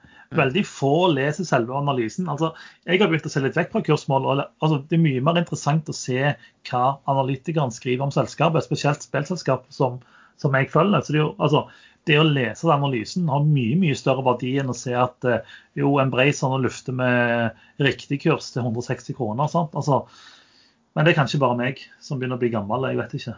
Det, det, men det er faktisk smart å gjøre. for Det som har skjedd er at Færre og færre selskap har på en måte analysedekning, og analytikerne må også dekke på en måte flere og flere selskap. Så, så det, det, er litt sånn at Jeg har jo sett en del tilfeller, og det sier jo analytikere også, at, at de, OK, de, vi må nesten ha dekning av det selskapet, men de har ikke noe særlig tid på det. Eh, så Du kan fort få en del selskap som liksom blir, blir ganske oversett eller på en måte feilanalysert, fordi at man rett og slett ikke, har tid til å sette seg inn i hva som hva, hva der innebærer. Jeg husker jo en eksempel uten jeg skal henge ut noen på det. Så var det jo Noreco for noen år siden hvor, hvor kursmålene var jo helt eh, groteske i forhold til at de ikke helt hadde tatt tid til å lese en litt sånn komplisert restruktureringsprosess. Eh, men jeg er helt enig med deg. Også, også, hvis man vil lære om selskapet, så er det jo smart å lese hva, hva faktisk analytikerne skriver. fordi de beskriver jo ofte ganske godt hva selskapet består av, og hvilke deler, hva er det som slår eh, på, på, på, bunnlinja i dette selskapet, og, og, på hvilke områder de ser for at, at det skal skje en utvikling. Og, ja, og, og så ja. Nei, bare snakk okay, jeg, nei, jeg går i en litt, litt, annet tema, men fremdeles om, eh, om, om rekk og Aker og Aksjo og Kverner. En sammenkobling der. Hvis du har noe mer å si om det forrige, så ta det. Jo, det var, det var mer i forhold til analyser. altså Hvis du tenker nå eller spillselskaper som jeg følger ganske tett, så er det sånn OK, kursmålet har egentlig ikke så mye å si. altså Skal du trade spillaksjer, så er det som regel eventer du vil trade på, altså spillanseringer og sånne ting. Eh, og hva kursmålet er, er egentlig likegyldig. Ja, på en Bracer som på en måte har 70 spill i pipen, så er det kanskje litt greit. Men det, det er mer bare sånn hvor mye av pipen har megleren fått, fått med seg? Hvordan ser megleren eh, på de ulike eventene som kommer? Altså, det er sånne ting som er viktige, og det er sånne ting som gir deg en edge. At eh, Pareto f.eks., som følger Bracer, mener den skal opp til si 160, da, er ikke så viktig så lenge det megleren skriver om selskapet ikke henger på greip. For så vidt er Pareto sin analyse av en er veldig god, så jeg henger ikke ut Pareto på bruker bare som et eksempel her for å, for å poengtere. Men OK, Erlend, la oss eh, bytte tema. Vi har snakket mye om analyser. Jo, på Ekstra Nestor i dag kom det noen kommentarer fra de anser som, eh, som dyktige investorer. Eh, hvor de med en gang sa at her er nok REC en del av planene, røkkekontrollerte REC en del av planene i forbindelse med Kverner og Aksjo. REC har et veldig stort framførbart underskudd. De er allerede såkalt ESG-selskap i dag, med solceller og, og kommer til å bli leverandør til batteriindustrien, høyst sannsynlig. Kan, hvordan kan det bakes inn i en løsning med, de to, med det, da, det nye selskapet, med det fusjonerte selskapet? Eventuelt.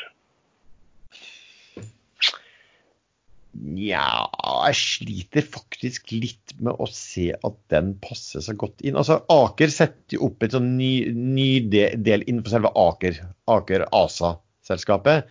De skulle vel ha en sånn ny investeringsdivisjon som gikk på renewables også. Så det er litt sånn, og, og Aker Solutions har jo, spinner jo av eh, fornybart, altså innen vind og innenfor sånn karbonfangst i egne selskap. Så jeg sliter liksom litt med da å se at REC skulle inn i Aker Solutions Kverner, selv om de også har en, altså en renewables-divisjon som blir stor og som skal satses hardt på. Men om det er nok mye der hva skal si, vindkraft og den type utbygginger. da. Jeg vet ikke helt hvordan REC skulle passet inn der. Kværner har ikke noe innen eh, solceller?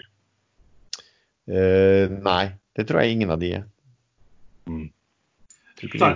Tanken er jo ikke dum, men det er mer hvordan ting henger sammen. Eller skal henge sammen, som gjerne er litt uklart.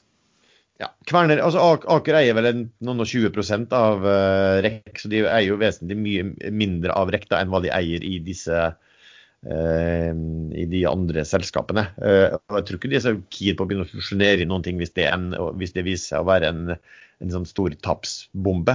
Uh, og REC har vel, altså Hvis jeg forsto den analysen til, til Pareto riktig, så, så, har de ikke rett, liksom veldig god likviditet. De kan vel komme i brudd med noen, noen vilkår, lånevilkår som gjør at Og det er jo derfor de sier at de også må hente inn um, godt med penger. REC har jo fremdeles dette gigantiske norske skattekravet mot seg, som, som ennå ikke har kommet noen avgjørelse på. Det har jo blitt behandlet av en hurtigarbeidende komité i Skattedirektoratet for storselskap i flere år nå. Eh, eh, pussig at sånn ikke avsluttes raskt. Ja. Og det, og det, sånn det er kommet en ja. Ja, så, men sånne ting blir jo også en grunn i så fall. Jeg kjenner ikke til um, Erlend, men, men, det blir også en grunn. altså hvis Du, du vil jo ikke begynne å fusjonere inn noen ting som på, har en potensiell bombe inn i sunne, sunne selskap. da. I hvert fall ikke uten at prisingen er veldig hensyntatt til.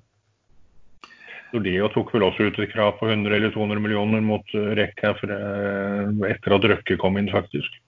Det har jeg ikke hørt noe mer om. Men eh, det har skjedd noe nytt rundt REC i USA. Det er et uh, selskap som, uh, som, ønsker å begynne å produsere solceller i USA. Uh, og etter at Kina tok over den businessen, så er det vel ikke et eneste selskap i USA som gjør det. Og de vil bygge fabrikken sin rett ved siden av Rex sin fabrikk. Og dette er mer enn rykter. Det er avisartikler og uttalelser fra ledelsen i dette selskapet. Og det, er visstnok ganske store greier det er snakk om. så så det skjer en del ting rundt REC nå som gjør at et kursmål på seks kroner fort kan bli for lavt. Men det kommer litt an på hvor emisjonen settes, for den kommer, og hvor lavt den settes. Før vi, vi avslutter, så har vi dagens siste spørsmål. og Det er faktisk det er så bra spørsmål at jeg lurer egentlig på svaret sjøl. Eh, alle i sladder har jo kallenavn. Og du Lars, du er jo raideren. Så det er den som lurer på hvorfor, hvorfor er kallenavnet ditt raideren. Hva har du gjort for noe som har gjort deg fortjent til det? Nei, si det. Det kan man jo lure på selv også. Jeg vet ikke hvem, på hvem som fant på det. Men uh, jo, det har nok sammenheng. Ja, det vel litt spydig, kanskje. Men det har vel sammenheng med at eh, sammen med Sven f.eks. så tok vi en gang kontroll over et eh, børsnett selskap som heter Nordic Financials. Som ble slaktet og solgt som eh, skal etter en, del oppstuss. Jeg har også vært med godt inn i Panoro og var, var vel via mange stemmer så var vel den som stemte for flest aksjer i en generalforsamling hvor vi eh, byttet styre. Og så var jeg med inn sammen med en gruppe og framforhandla en stor deal i Funcom og ja, der man ja, eh, kom med en god del penger der. Så det er vel litt kanskje basert på at jeg ikke bare av og til sitter helt passivt og, og, stemmer med føttene, men i visse tilfeller kan gjøre ting mer aktivt inn mot selskapet. Tror jeg kanskje er en bra beskrivelse. Du gikk vel også ganske stort inn i dette rumenske eiendomsselskapet. Hva heter det for noe? Romreal Nja, stort var det ikke. Måtte jo flagge på det, men det var jo ikke stort. Det var jo ikke noe jeg hadde, hadde brydde meg om og satt inn i noen posisjon i forhold til til selskapet. Det var mer at det var en, ja, en god sjanse som dukket opp en sommer. Bra. Da vet vi hvorfor dette er raideren, og så får heller folk spekulere hvorfor Erlend er vakuumtraderen. Eh. jeg, tror jeg, jeg, tror jeg går tilbake til Jalla, Jalla-kongen. Jeg, jeg, jeg, føler jeg akkurat ødela hele det uttrykket, men det, det får uh, lytterne avgjøre. Eh, vi må jo ha noen tips, eh, fordi eh, uten tips så blir folk eh, sure og lei. Eh, det med tips, det er liksom Det er kanskje der vi får mest tilbakemeldinger, enten om vi har gode eller dårlige tips.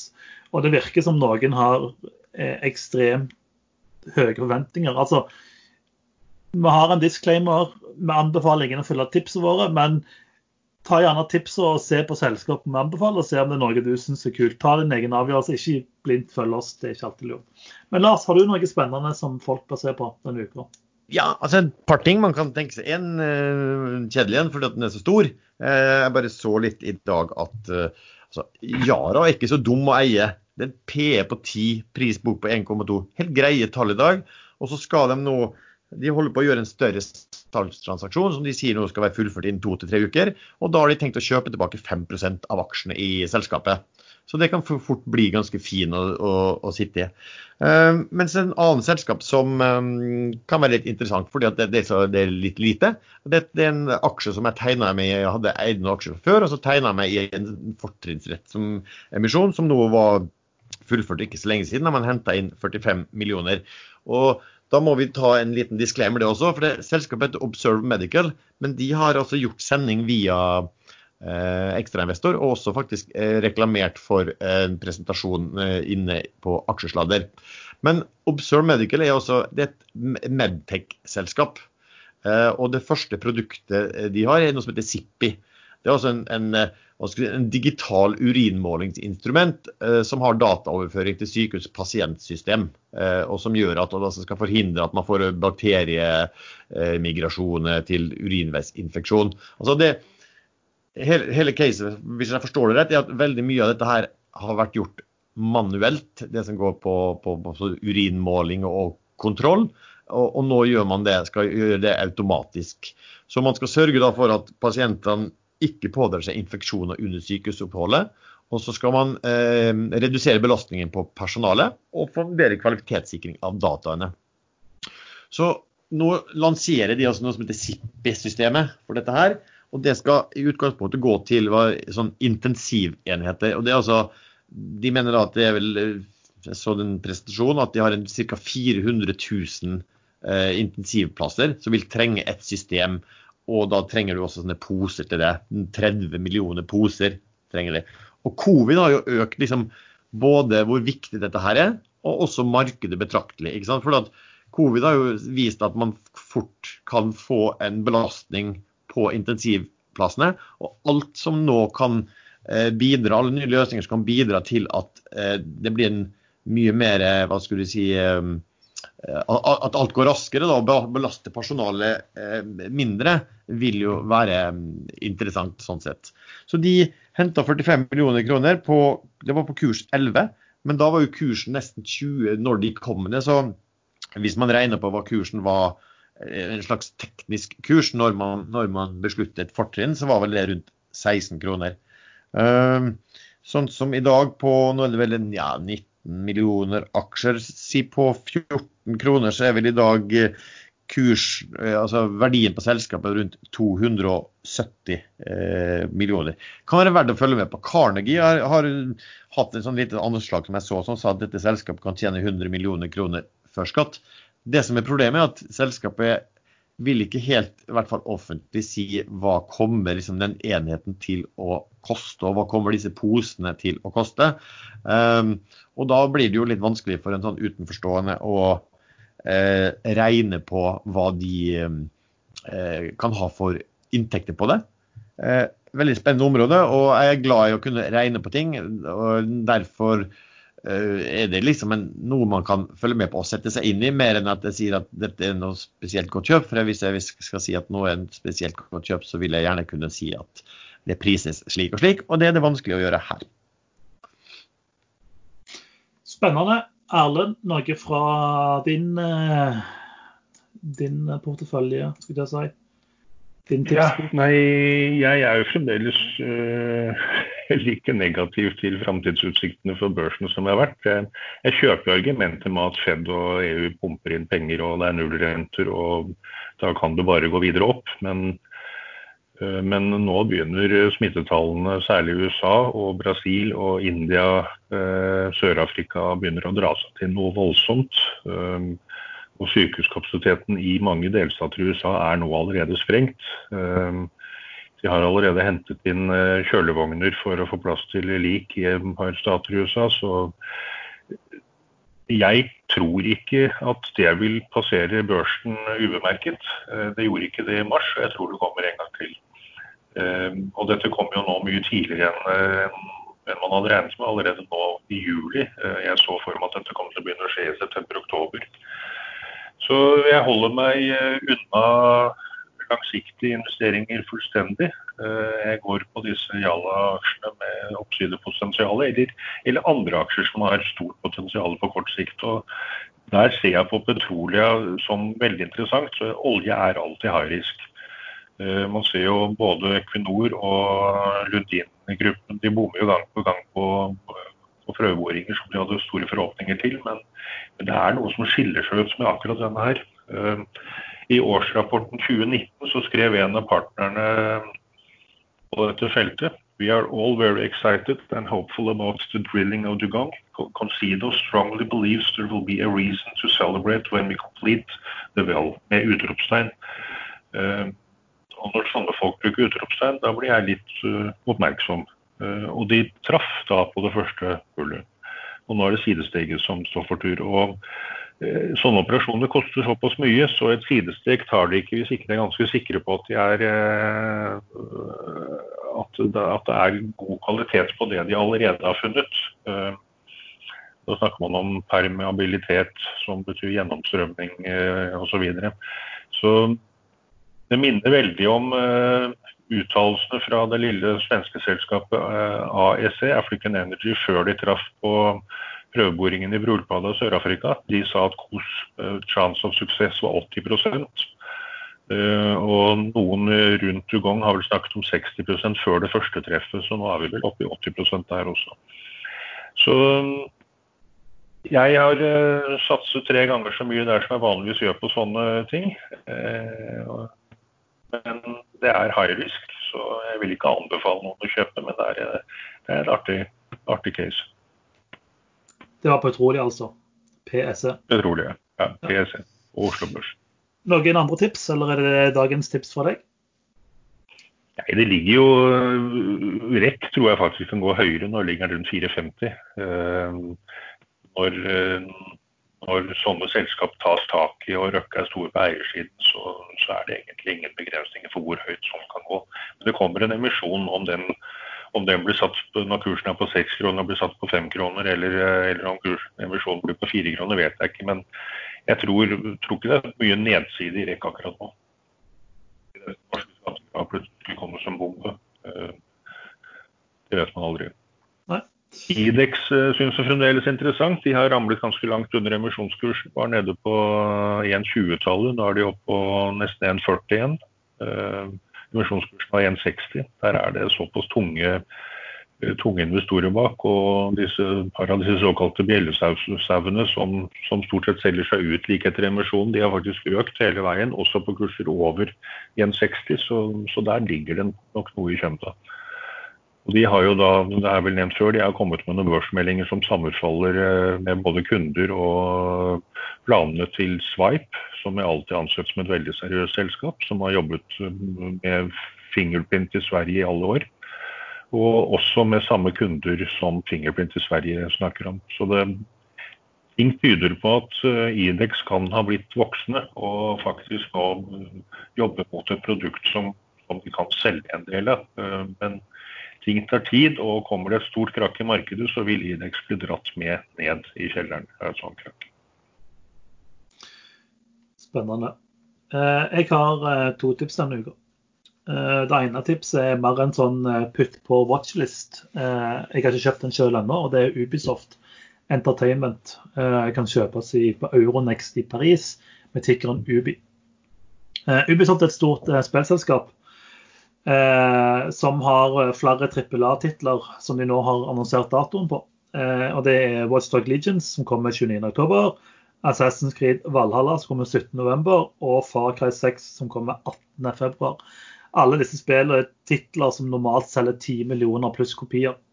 Eh, så på en måte, Man vet på en måte nå hva pipeline til Ubisoft er, og man vet at det er store store blockbuster-titler som kommer. Eh, det som gjør Ubisoft litt interessant, er at kursen har falt ganske mye i det siste. Den er i skrivende stund på 66,4 eh, euro. Eh, den var oppe i 80 euro i begynnelsen av juli. Og Grunnen til den falt, er at selskapet gjennomgår en massiv metoo-skandale. Flere Massiv hva? Metoo. Ah.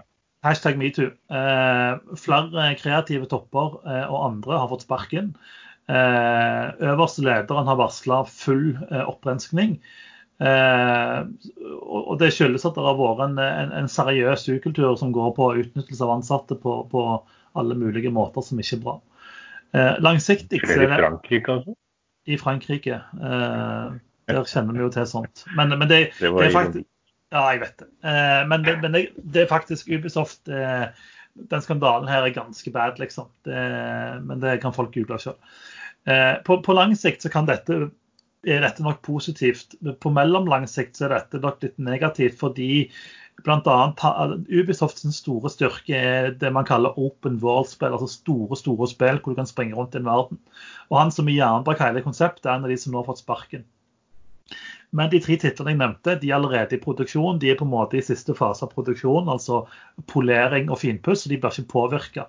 Hva som skjer på en måte etter februar 2021, når, når spill, alle disse spillene har kommet, er et åpent spørsmål, men på lang sikt er dette bra. Eh, jeg har ingenting Ubisoft i dag. Den er på min watchlist. Jeg tror aksjen kan falle mer fordi eh, det nok er mye person, personell som som blir kasta ut i denne opprydningen, som de tar ganske seriøst. men men, det, men den, den, greier jeg ikke å følge med på. Nå vet vi på en måte når, når oppesida kommer. Det de har vist fra disse tre spillene er veldig veldig bra, og jeg tror de kommer til å gjøre det veldig veldig bra òg. Den andre er en litt mer hjemlig aksje som jeg har snakket om tidligere. EG7, Enhet Global 7, svensk selskap notert i Stockholm og et spillselskap. Eh, har gått sidelengs nå siden de hadde en emisjon for to måneder siden, tre måneder siden. Eh, den har på en måte gått glipp av mye av oppturen som har vært. Eh, de har en spillansering i august. Eh, og de jobber òg med et oppkjøp. altså Hele emisjonen de hadde, var for oppkjøp. Eh, jeg tror denne kommer til å gå mot spillanseringen i august. Eh, og så kan den òg gå veldig mye når eh, nyheten om hvem de kjøper, blir, blir, offentliggjort. Så jeg har kjøpt en del i, i den og kommer til å sitte med den eh, mot, eh, mot, lanseringen iallfall. Så det, det, er mine tips. Eh, gjør dine egne undersøkelser, ikke kjøp blindt. Eh, ja. Men jeg tror de kan være spennende, spennende spilleaksjer. Garanterer ingen eh, avkastning. Så noe mer vi burde snakket om, gutter? Oi, da trykket jeg på mute. Noe mer vi burde snakket om før vi, vi logger av og fortsetter ferien? Nei. Vi uh, har vel eh, snakket lenge nok i dag. Ja, så vi er jo oppe i en uh, nesten to timer megasending, og vi har kutta en haug med spørsmål og, og temaer. Så, så, jeg føler jo vi, er godt i gang. Hadde egentlig en plan om å snakke om Nell, siden Nell-hateren elsker oss. Men men det får vi heller ta for neste gang. Men eh, da er det egentlig bare å ønske takk for i dag. Eh, takk for at du lytta på Aksjesladder. Eh, hvis du ønsker å delta i diskusjonen eller sende spørsmål til oss, så kan du gjøre det via Ekstranest på Aksjesladderkanalen. Og ei Facebook-gruppe som heter Podkasten Aksjesladder. Bli gjerne medlem der. Husk å gi oss fem stjerner på Apple Podkast og Spotify. Eh, og dagens musikk er som alltid lagd av kjass.com. Ha en fin dag videre.